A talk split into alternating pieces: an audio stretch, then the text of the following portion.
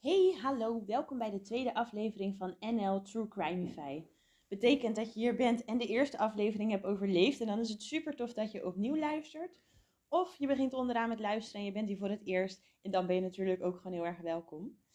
Voor we aan het verhaal gaan beginnen heb ik gelijk alweer even een disclaimer. In deze podcast komt namelijk misdaad tegen een kind voor.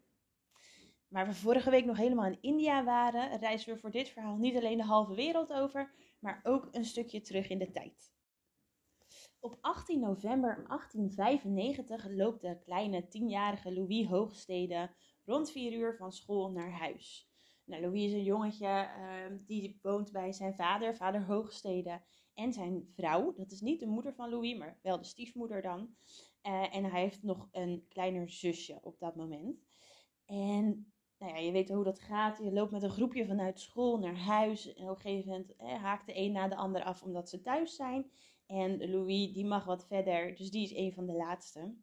En Louis wordt onderweg aangesproken door een man in, wat slonzige kleding, waarbij het volgende signalement wordt genoemd.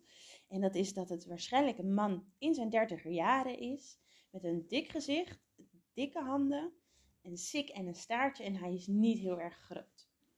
Nou, dit wordt uh, benoemd door een, een ander jongetje, maar ook nog wat andere getuigen die hem hebben gezien.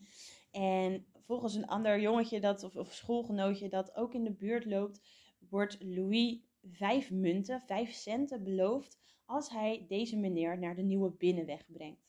En de nieuwe binnenweg is echt om de hoek van waar zij zich bevonden. En Louis denkt, nou dat is mooi verdiend. Als je bedenkt dat je je destijds uh, voor 1 cent een snoepje kon kopen en je krijgt er 5. Nou, dan is dat natuurlijk een dikke jackpot. Dus Louis die heeft daar wel oren naar. Die loopt met de man weg. En hij is ook nog gezien met die man op de nieuwe binnenweg.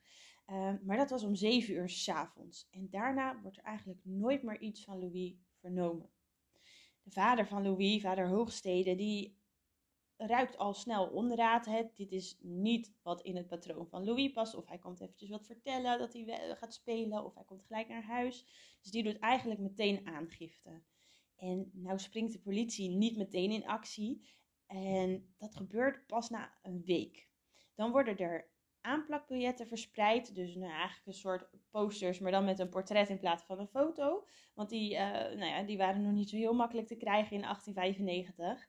En op iedere paal en bij iedere winkel wordt zo'n aanplakbiljet opgeplakt.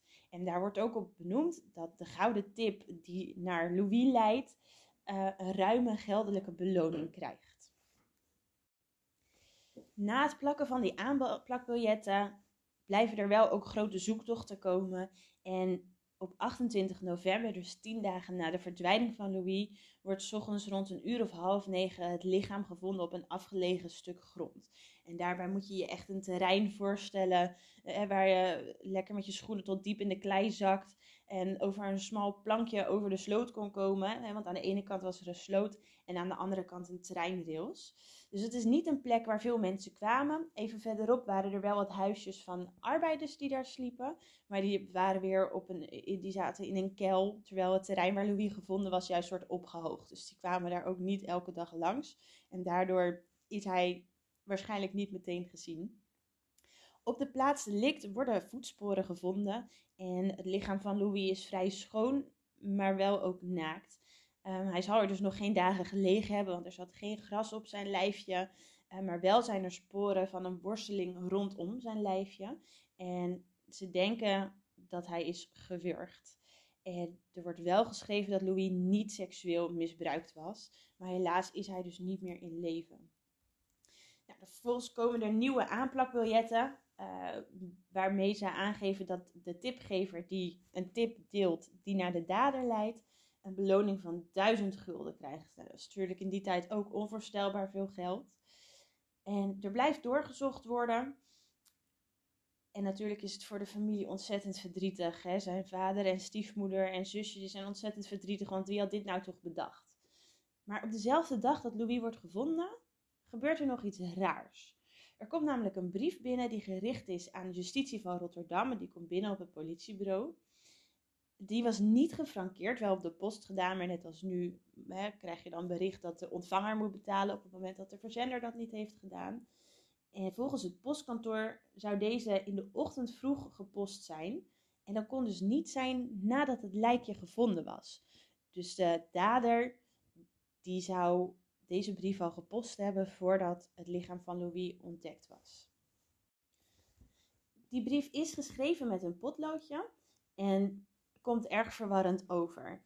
En enerzijds kan dat komen omdat er woorden in gebruikt worden die wij niet meer altijd elke dag gebruiken. Maar anderzijds kloppen de zinnen ook gewoon niet helemaal. Dus als je de logica een beetje in deze brief mist, het ligt niet aan jou. En de dader heeft het volgende in de brief geschreven. Hoogsteden, dat valt je niet erg mee dat je zoon weg is, maar ik heb wraak genomen den 18 november. Ik was om tien uur. Hij is dood. Hij lijkt begraven op dat land bij die polderhuisjes daar, achter in die laagten in dat vierkante stuk grond met gras verlengde binnenweg, daar de school is. Ik ben gisteren naar Mokum vertrokken en kom nog eens terug om wraak te nemen met jullie. Ik ben een persoon tot alles in staat en ben Sjaak. Ik heb een lange harige jas aan. Ik ben tamelijk van lengte. Soms ga ik naar Antwerpen. Snor en Sik is weg met geel Engelse broek, heb ik. Ik hoop dat je hem vindt. Om acht uur was ik met hem Haagse Veer en om zeven uur ook om oliekoeken te kopen voor zijn galgmaal. Tot juli, als ik hier kom van Mokum. Denk dan om je dochter van elf jaar. Nu dag Schobbert, Halten Mokum Amsterdam. Nou, dit is een brief waar ook daderkennis in staat. Het signalement van de man was natuurlijk wel verspreid, maar de tijden waarop Louis gezien was niet. En dat komt wel naar voren in deze brief. Dus de aanname wordt gedaan dat deze brief door de moordenaar geschreven is en krijgt dan ook de naam de moordbrief. Er was nog geen social media in 1895, maar kindermoorden hakken er natuurlijk altijd flink in en het nieuws wordt toch landelijk bekend. De politie heeft zelf ook deze moordbrief via de pers verspreid. En wat duidelijk te merken is, is dat de pers destijds nog niet de researchmogelijkheden had die wij nu allemaal hebben. Dus ze moesten af en toe her en der het verhaal zelf wat aanvullen. En dat betekent dat je ook echt wel rare, maar ook nare verhalen tegenkomt in die kranten. Een voorbeeldje daarvan is een verslaggever van een krant die het complete aangezicht van de overleden Louis in het mortuarium beschrijft. Waarin hij aangeeft dat hij het jammer vindt dat er geen sporen van misbruik te zien zijn, omdat er een wit laken over dit arme jongetje heen ligt. En er was zelfs even sprake van dat agenten zelf informatie doorspeelden aan de pers. En de hoofdcommissaris die heeft dat altijd ontkend. Het stond ook gewoon ontslag op. Maar het lijkt er wel op omdat de kranten her en der toch met vreemde verhalen aankwamen. Als iets echt landelijk bekend is, dan is de drang om tot een oplossing te komen vaak, uh, ligt die druk nog wat hoger. Dat is ook de reden dat de officier van justitie echt wel bovenop deze case zat. Twee dagen na de vondst van het lichaam vraagt hij de hoofdcommissaris om een update met alles wat er al gebeurd en gevonden is. En eigenlijk geeft ook daar de hoofdcommissaris aan indirect dat hij niet heel blij was met zijn agenten, omdat volgens hem het rapport te laat geschreven is. En er was genoteerd dat de vader op de dag zelf, hè, toen hij aangifte kwam doen, niet aan een misdrijf dacht. Terwijl vader Hoogstede die dag wel al heel erg bezorgd was. Dus hij laat er eigenlijk een beetje zijn ongenoegen in merken in die brief. Maar al met al is er dus gewoon niet zo heel erg veel bewijs. Het onderzoek loopt wel gewoon door en er komen verschillende verdachten in beeld. En als eerste is daar dan Willem de Berkel. Hij wordt in december 1895 wordt hij opgepakt. is een man van 32 jaar en de zwager van vader Hoogstede, wat hem de oom van Louis maakt. Die band met de families was niet zo heel erg nauw, dus die zagen elkaar eigenlijk niet zoveel. En wat opvalt is dat Willem na de moord naar Hamburg is afgereisd en daar is hij ook opgepakt. Geruchten gaan over Willem dat hij voor hij zou trouwen bekend stond als pedofiel, maar ook geweld zoals een vechtpartij of mishandeling niet uit de weg ging. Wat zijn verdenking ondersteunde is dat hij ooit een brief aan zijn zus schreef, waarin een aantal aspecten van zijn handschrift leek op die uit de moordbrief. En ook het signalement, daar zou Willem wel in kunnen passen. Hè? Je denkt niet meteen als je Willem ziet, nou dat, dat was wat, wat die dag is gezien, maar er zijn wat overeenkomsten. Op het moment dat hij wordt opgepakt, stappen er twee getuigen naar voren. De eerste die doet dat eh, redelijk tijdig en die geeft aan de dag voor de vondst van het lichaam van Louis, dus 27 november, stond Willem te biljarten in een plaatselijke café en hij werd daar even opzij geroepen door een logeman, waarmee hij vervolgens in het halletje staat te smoezen. En hij komt terug en hij komt helemaal een beetje verstrooid terug en vertrekt daarna eigenlijk uit het café. Dus hij is even opzij geroepen. Die man lijkt iets verteld te hebben wat Willem toch van slag bracht. Hij was er klaar mee en hij ging naar huis. Iets later kwam er nog een andere getuige naar voren. Dat is een knecht die zich herinnerde dat hij op de avond voor de vondst van het lichaam van Louis, dus ook weer die 27 november, tegen betaling een kar heeft uitgeleend aan een man die wat zenuwachtig overkwam. De knecht die dacht, hier is stront aan de knikker, deze man doet raar, die is die man gevolgd. En die ziet hem vervolgens naar het huis van Willem lopen, waar hij een vreemde gevormde zak naar buiten haalt en die op de kar legt. Nou, de knecht die was moe, denk ik, of die vond het niet verdacht genoeg, want die is hem niet verder gevolgd. En de reden dat hij wat later naar voren kwam, is omdat hij ook de krant niet las en daarom de commotie niet heeft meegekregen. Maar ook daar, het is een opmerkelijke gebeurtenis. Maar er is niet zoveel bewijs, want hij heeft uiteindelijk een vreemde zak gezien, maar hij heeft niet gezien of daar een jongetje in zat. Willem gaf aan dit zich in beide gevallen niet te herinneren. Die daar had natuurlijk helemaal niks mee te maken. En er wordt er verder ook geen bewijs tegen hem gevonden. Het signalement dat paste ook wel iets, maar niet volledig. En ook die voetafdruk op de plaats lik, die kwam niet overeen met die van Willem. En op 3 juni, dus hij heeft best nog een tijdje vastgezeten, komt hij op vrije voet. En dat is 3 juni 96. De volgende verdachte, die komt ook in december 1895 in beeld. En dat is de zus van vader Hoogstede. Zij wordt ook opgepakt in december 95 en haar naam is Catharina Wilhelmina. Ik zal haar hierna Catharina noemen. En Catharina is ook de tante van Louis. Zij heeft het ooit aan de stok gehad met vader Hoogstede. Ze had eerder bij hem in huis gewoond en is daarna vertrokken na die ruzie. En er zijn zelfs wat roddels dat vader Hoogstede en Catharina in een ongeoorloofde betrekking zouden samen hebben geleefd. Wat eigenlijk zoveel zegt als dat er iets van incest gaande was. Hebben ze allebei nooit bekend. Um, nou, incest is nu natuurlijk nog steeds wel een taboe. En dat was het toen ook zeker. Op het moment dat Catharina opgepakt werd, woonde zij ongehuwd. Daar heb je nog zoiets. Samen met haar baby, was natuurlijk ook een ding bij een andere broer die ook in Rotterdam woonde. De reden dat zij in het vizier kwam is dat Catharina Willem een brief geschreven zou hebben, waarin zij hem vroeg te bekennen omdat ze het geheim niet langer zou kunnen bewaren. Die brief die is eh, gevonden en onderschept en je raadt het niet, maar omdat het handschrift heel erg leek op die uit de moordbrief, werd zij ook gearresteerd. Catharina heeft nauwelijks iets losgelaten. Er werd geen ander bewijs gevonden dan een handschrift dat mogelijk hetzelfde zou zijn als die op een brief. En zij kon daarna weer snel terug naar haar kindje zonder een aanklacht. In mei 86, dus als Willem nog vastzit, komt daar een derde verdachte in beeld, namelijk Wilhelmus Johannes de Vos. Wilhelmus is brandweerman en bootwerker. En een bootwerker is eigenlijk een naam voor het lossen en laden van boten. En de reden dat hij wordt verdacht is dat hij anderhalf jaar voor de moord op Louis verdachte was bij onzedelijke handelingen met meerdere jonge meisjes. En daarnaast, je raadt het niet, ook zijn handschrift zou op bepaalde vlakken overeenkomen met die van de moordbrief en ook hij past redelijk binnen het signalement. Als hij vastzit, komt daar een getuige naar voren. Dat is een collega van Wilhelmus. En die geeft aan dat hij Wilhelmus op de dag van de verdwijning van Louis, dus 18 november, heeft gezien met een jongetje aan zijn zijde. Dus ook echt hand in hand. En hij weet heel zeker dat het Wilhelmus was, want Wilhelmus die uh, riep een groet. Of de collega riep een groet naar Wilhelmus. Wilhelmus draait zich om, reageert daarop. Hij kon niet met zekerheid zeggen dat het jongetje Louis was. Waarom dit hem is bijgebleven is omdat Wilhelmus er anders uitzag. Hij had niet zijn brandweerman kleding aan of zijn bootwerkpakje, maar hij had zich echt gekleed als een heer. En dat was bijzonder, want daar, gewoon door de weekse dag, dat had hij normaal niet. Wilhelmus heeft het ook weer niet ontkend. Maar wat hij heeft gezegd is: hè, het is helemaal waar wat mijn collega zei. Maar het jongetje dat daar liep, dat was mijn neefje. En hij heeft een andere keer verteld dat het zijn aanstaande vrouw was. Nou, mag je hopen dat de collega hem op een afstandje heeft gezien, want anders kun je het verschil tussen een neefje en een aanstaande vrouw misschien wel zien. Maar hij bekent niet, dat is wel duidelijk. Wat nog wel spannend was rondom Wilhelmus, is dat hij op de dagen dat Louis al ontvoerd was, Wilhelmus niet op zijn werk verscheen.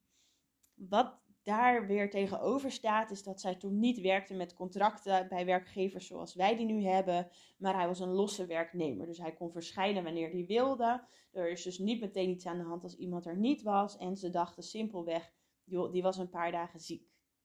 Rondom de dagen van de moord was Wilhelmus erg afwezig, maar hij gaf aan dat dit kwam door de ziekte en het overlijden van zijn moeder in diezelfde periode. En dat klopt ook, zijn moeder was ook ziek en is helaas toen ook overleden. Dus ook dat heeft eigenlijk een logische verklaring, al dus Wilhelmus. En uit die tips en uit het bewijs wat de politie dacht gevonden te hebben, daar komt niets naar voren. Wilhelmus bekent ook niets. En na uh, ja, vijf ruime maanden vastgezeten te hebben, komt ook hij weer op vrije voeten. Dit waren de drie verdachten die echt wel een tijdje vast hebben gezeten. Daarnaast zijn er nog wat andere verdachten geweest, zoals een vroegere knecht van vader Hoogstede. Uh, de vrouw, de stiefmoeder van Louis, uh, die is opgepakt geweest. Maar die konden eigenlijk al zodanig snel naar huis dat er over hun verhoren ook gewoon weinig te vinden is. Dus daar zal eh, mogelijk op wat herkenning van het handschrift na weinig bewijs voor geweest zijn. Wat eigenlijk heel droevig is, want nadat Wilhelmus en Willem vrijgelaten zijn, komen er nooit meer andere aanwijzingen die ervoor zorgen dat het onderzoek weer opnieuw gaat lopen. Het enige wat er nog in die zaak gebeurt, is dat de officier van justitie moet verklaren waarom alle verdachten zo lang hebben vastgezeten. En eigenlijk geeft hij in reactie op die brief van, joh, ik weet heel zeker dat Wilhelmus Johannes de Vos de moordenaar is. En die briefwisseling die is nog heel hoog opgelopen en heeft zelfs geleid tot een oproep van juristen omtrent betere wetgeving als het gaat om vasthouden van verdachten zonder wettig bewijs. Nou, daar hebben wij natuurlijk vandaag de dag eigenlijk nog steeds profijt van, mits het gaat om iemand waar ook echt geen bewijs tegen is. En ondanks dat de officier stevig in de schuld van Wilhelmus de Vos blijft geloven, is het nooit bewezen. En dat maakt dat de zaak na ruim 125 jaar nog steeds niet is opgelost en dat vermoedelijk ook niet meer zal worden. Waar de zaak niet wordt opgelost, we hadden het er vorige keer al even over, daar is ruimte voor verschillende theorieën en ook in 1895 dachten ze daar al erg over na. Um, de eerste komt bij de vader van Louis zelf vandaan. Vader Hoogstede heeft aangegeven dat eh, Willem de Berkel, dus ah, de verdachte die als eerste vastzat, een grote som geld wilde lenen en vader Hoogstede wilde dat niet geven. En hij heeft daar, uh, Willem heeft daar vader Hoogstede toen bedreigd met een mes.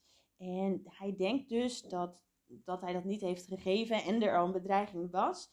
Willem wraak heeft genomen door Louis te ontvoeren en zijn andere dochter te bedreigen. Want dat kwam natuurlijk ook in de brief naar voren. Een andere theorie die ik tegengekomen ben, is er een die volledig rust op geruchten, want daar is echt geen bewijs voor. Zou namelijk zijn dat vader Hoogstede en Willem samen een inbraak hebben gepleegd en dat Willem zijn deel van het geld niet zou hebben gekregen. Het klopt ook dat er in de buurt een grote inbraak is gepleegd waarbij de daders nooit zijn gepakt. Maar dat betekent natuurlijk gewoon niet dat deze heren daar automatisch iets mee te maken hebben. En nog een ander motief met betrekking tot Willem uh, en waarom hij zijn neef om het leven gebracht zou hebben, is toch ook weer een geldmotief. Het gerucht ging dat de kinderen van Hoogstede, Louis en zijn zus, niet de biologische kinderen zouden zijn van vader Hoogstede. Uh, nou wordt het even ingewikkeld. De vrouw van vader Hoogstede, die is overleden, maar zij waren toen al niet meer samen. En de heer die dus wel de biologische vader zou zijn van deze kinderen, dat zou een rijke man zijn, waardoor het ontvoeren van Louis als doel zou hebben om losgeld los te krijgen. Maar ook deze theorie berust totaal op geruchten en de schrijver van, van het blog even een kattenbelletje heeft ook flink onderzoek gedaan. En ook al zouden de kinderen niet van vader Hoogstede zijn, er zat ook geen geld in die andere familie. Dus als dit daadwerkelijk is wat er is gebeurd, dan had Willem ook even research moeten doen. Dan hebben we Wilhelmus de Vos. Daar zijn nauwelijks tot geen theorieën, omdat er gewoon geen motief lijkt te zijn. Hij had zijn verleden zeker niet mee. hij was natuurlijk al een keer eerder verdacht geweest. En met de kennis die ik heb na research doen in deze case, ben ik echt de laatste die zegt dat hij een schoon geweten heeft. Maar er zijn wel een aantal dingen die voor hem pleiten. Zo is Louis niet seksueel misbruikt en je mag ervan uitgaan dat een dader die de moeite neemt om een kind te ontvoeren en een paar dagen vast te houden met als inzet seksueel misbruik, dit ergens in die tien dagen ook wel zou doen. Verder kent Wilhelmus het gezin, helemaal niet. Dus hè, je kan niet per se wraak nemen op iemand die niet iets heeft gedaan tegen jou. Dus ook dat lijkt niet echt voor de hand. En geld ook niet, want er is geen lo uh, losgeldeis geweest. Dus er is niet om geld gevraagd. Wat nog wel een andere voor de hand liggende theorie is, die niet met een van deze twee heren te maken heeft, is dat de dader een hele andere dader is die is weggekomen. Als er niet voldoende bewijs tegen Van Berkel was en nauwelijks bewijs tegen de Vos, waren zij dan echt niet de dader, maar was er iemand die door de politie over het hoofd gezien is? Of heeft Van Berkel of de Vos de politie zodanig afgeschud dat ze ermee weg zijn gekomen? Of is de echte dader weggekomen omdat de politie overtuigd was van de schuld van een van deze eerder opgepakte verdachten? Het is en blijft een triest verhaal. Het, idee dat zo'n klein manneke mee moet naar de winkel om een galgemaal uit te zoeken, wat vervolgens een koek is. En dan zo klein en koud en naakt wordt teruggevonden op een plek waar nauwelijks naar omgekeken wordt. Dat is natuurlijk heel erg verdrietig. Er is nooit een goede reden voor, maar dat ze er nooit achter zijn gekomen wie dat heeft gedaan, is natuurlijk ook verschrikkelijk. Er is een heel boek over deze case geschreven. Die heet Moord te Rotterdam van J.A. Blauw. Die is uit 2006, dus nou, in tegenstelling tot de brief in deze case wel in begrijpelijke taal. En om nog met een, een andere nou ja, soort van positieve noot te eindigen, is dat de vader van Louis met zijn vrouw nog andere kinderen heeft gekregen. En ze zullen nooit Louis vervangen hebben. Maar wat wel heel mooi is, is dat een van de andere kinderen precies zo genoemd is als Louis. Hij is dus nooit vergeten en zelfs de dag van vandaag wordt nog aan, aandacht aan deze zaak besteed. Opdat zoiets maar nooit meer mag gebeuren. Er zijn gelukkig heel veel wijzigingen te zien in de omgang van vermissingszaken, zeker als het om kinderen gaat. We hebben nu een Amber Alert en een Burgernet. En er is dus wel wat van geleerd van helaas de moorden die eerder zijn gepleegd. Gezien het jaartal zijn er ook niet heel veel foto's, maar ik heb wel wat op de uh, Facebookpagina, dus NL True Crime in 5 Facebookpagina geplaatst. Daar kan je altijd lid van worden en daar kan je ook je suggesties en aanvullingen kwijt. En nou ja, ik tast zelf echt een beetje in het duister eh, voor welke theorie nou toch in deze zaak van toepassing zou zijn.